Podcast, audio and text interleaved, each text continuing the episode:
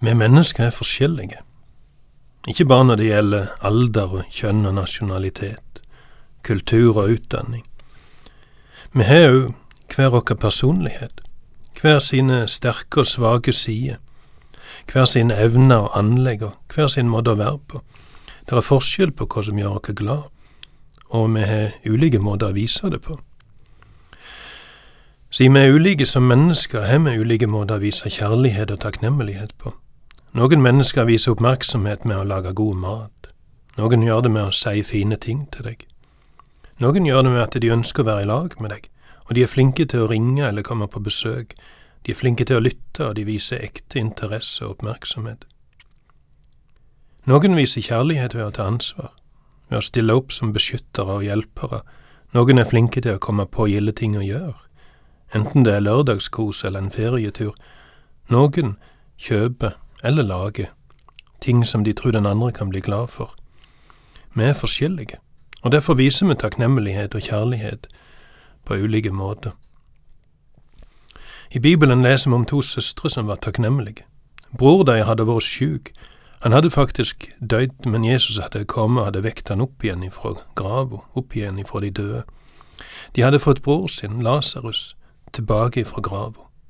Søsteren og Lasarus var fullt av takknemlighet, og kanskje satt de igjen med en, med en følelse av at de ikke hadde fått sagt skikkelig takk. Og så leser vi at Jesus kom til byen deres igjen. Besøket var sikkert varsla på forhånd, eller søstrene regna med at han kunne komme innom, siden han sikkert ville til Jerusalem for å feire påskefesten. Og så leser vi at de lager en fest for Jesus. Den eldste søstera, Martha, heter hun har vi møtt en annen plass i Bibelen der vi får se henne i husmorrollen. Jeg kan tenke meg at hun var ei som viser kjærlighet på ekte husmorvis. Masse mat, utvelde retter, delikat anretning på faderen, fint pynta bord. Du har sikkert møtt sånne. Alt er på stell, dukene, sølvtøyet, serviettene, maten og desserten, kaffen og smårettene innimellom. Jeg kan tenke meg at dette var Martha sin måte å si takk Festen var ikke i huset til Martha Maria, men i heimen til en som blir kalt Simon den spedalske. Det ville vært utenkelig å ha festmiddag i lag med en spedalsk, så det faktum at festen er i huset hans, er et hint om at Simon den spedalske ikke lenger var spedalsk, men at han var en av mange som Jesus helbreda uten at vi får høre det i evangeliene. Og kanskje var hans måte å vise takknemlighet på å stille huset sitt til disposisjon. Han hadde nok et større hus, og derfor var det praktisk å ha festen hos han. Kanskje bar han en stor del av utgiften til festen òg. Lasarus var takknemlig, men dels fordi han var en mann, og dels fordi han hadde vært vekt opp igjen ifra de døde, var det naturlig at han skulle sitte til bords i lag med Jesus, sånn at alle de som kom inn, kunne se han sitte der, han som de nylig hadde vært i begravelsen til. Men hva så med den yngste av søstrene, Maria? Hun òg var takknemlig, men hun var ikke husmortypen, sånn som Martha. Hun var ikke den som måtte et stort hus, sånn at hun kunne ta rollen som vertskap. Hva skal jeg gi til min frelser? Hva kan jeg gjøre for ham?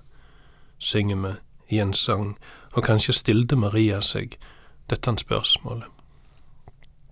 Maria hadde noe hun kunne gi.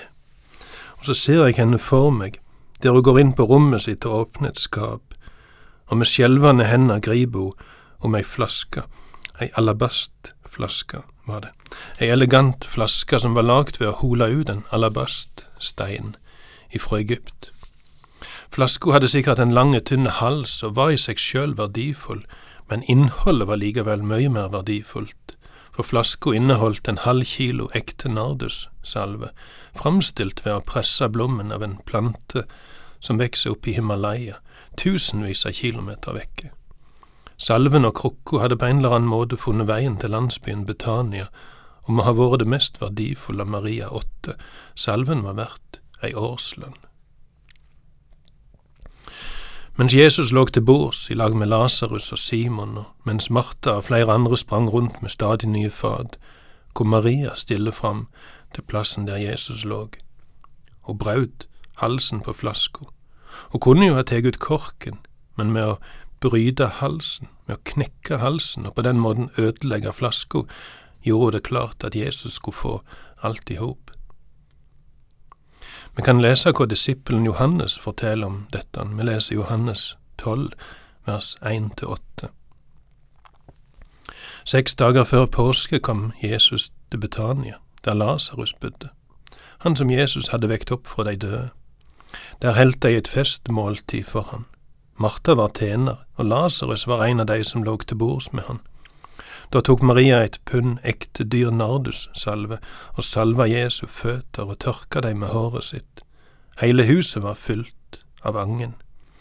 Da sa Judas Iskariot, en av læresveinene, han som sier han sveik Jesus, Hvorfor vart ikke denne salven solgt for 300 denarer og pengene jevnet til de fattige? Dette sa han ikke fordi han hadde omsorg for de fattige, men fordi han var en tjuv. Det var han som hadde ansvar for pengekassa, og han tok av det som vart lagt der. Men Jesus sa, lat henne være, hun har gjemt salven til gravferdsdagen min. De fattige har det alltid hos dykk, men meg har det ikke alltid. Denne hendelsen er òg nevnt i Matteusevangeliet og i Markusevangeliet, og der får vi noen opplysninger som Johannes ikke er tatt med. Det er bare Johannes som gir oss navnet på hun som salva Jesus, og forteller at Martha var den som varte opp. Matteus og Markus tilføyer at festen var i Simon den spedalske sitt hus, at salven var i ei alabastkrukke, at hun brøt sunn flaska, og at hun ikke bare salva Jesus sine føtter, men òg hodet hans. Jeg veit ikke om jeg klarer å fatte det som skjedde her. Maria kjem inn med ei steinflaske som inneholder den mest eksklusive salven som fantes å oppdrive på den tida, importert tusenvis av kilometer ifra det nordlige India. Og vi snakker ikke om ei knøttliten parfymeflaske, men om ei krukke på størrelse med ei halvliters brusflaske. Og hun tømmer det ut, alt i hop. Noe over beina, noe over hodet, salve til en verdi av tre til 500 000 kroner. Dette skjedde i ei tid der parfyme var unntaket, ikke regelen. Folk hadde ikke parfymerte dusjsåpe eller håndsåpe, de hadde ikke deodoranter. Folk måtte til og med spare på vannet, så det var neppe bading og vasking sånn som vi er vant med. Og så fyller den himmelske duften av nardus rommet der de sitter. For disse landsens menneskene må det ha vært ei heilt uvirkelig opplevelse.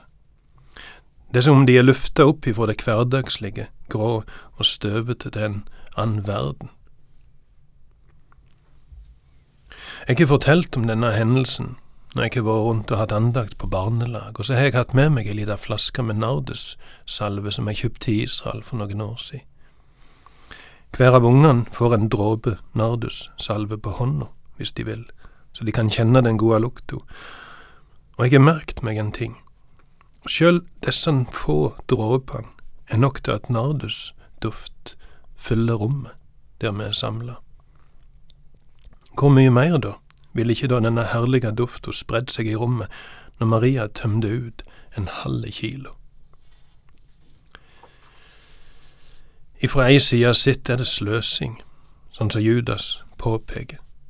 Men kjærlighet tenker ikke sånn.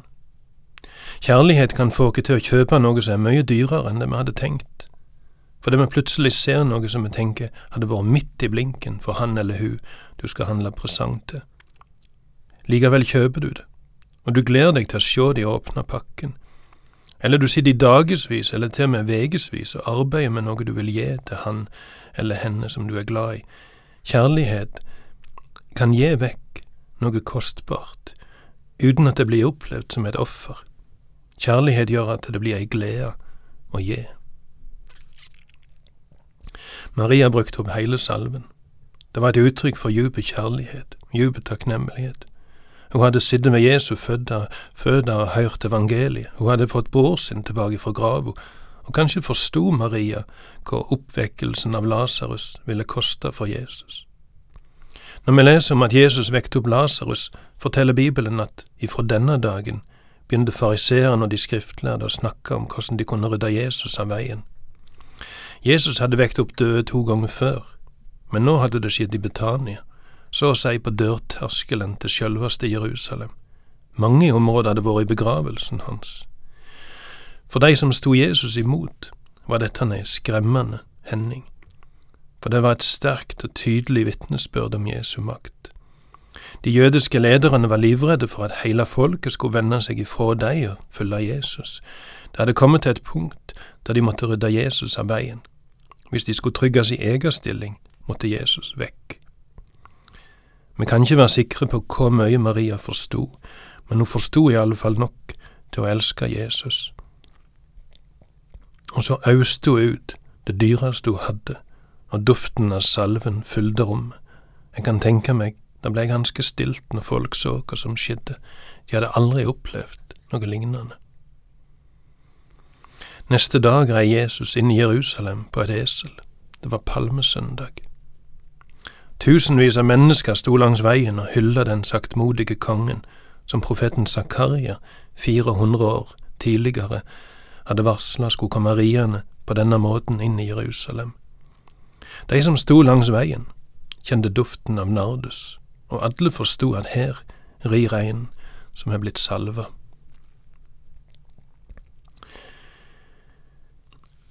Når vi skjønner hva Jesus har gjort for oss, skaper det kjærlighet og takknemlighet, og denne takknemligheten gjør at vi spør oss hva skal jeg gi til min frelser, hva kan jeg gjøre for ham? I sangen, i sangboka, får vi et svar på hva vi kan gi til Jesus.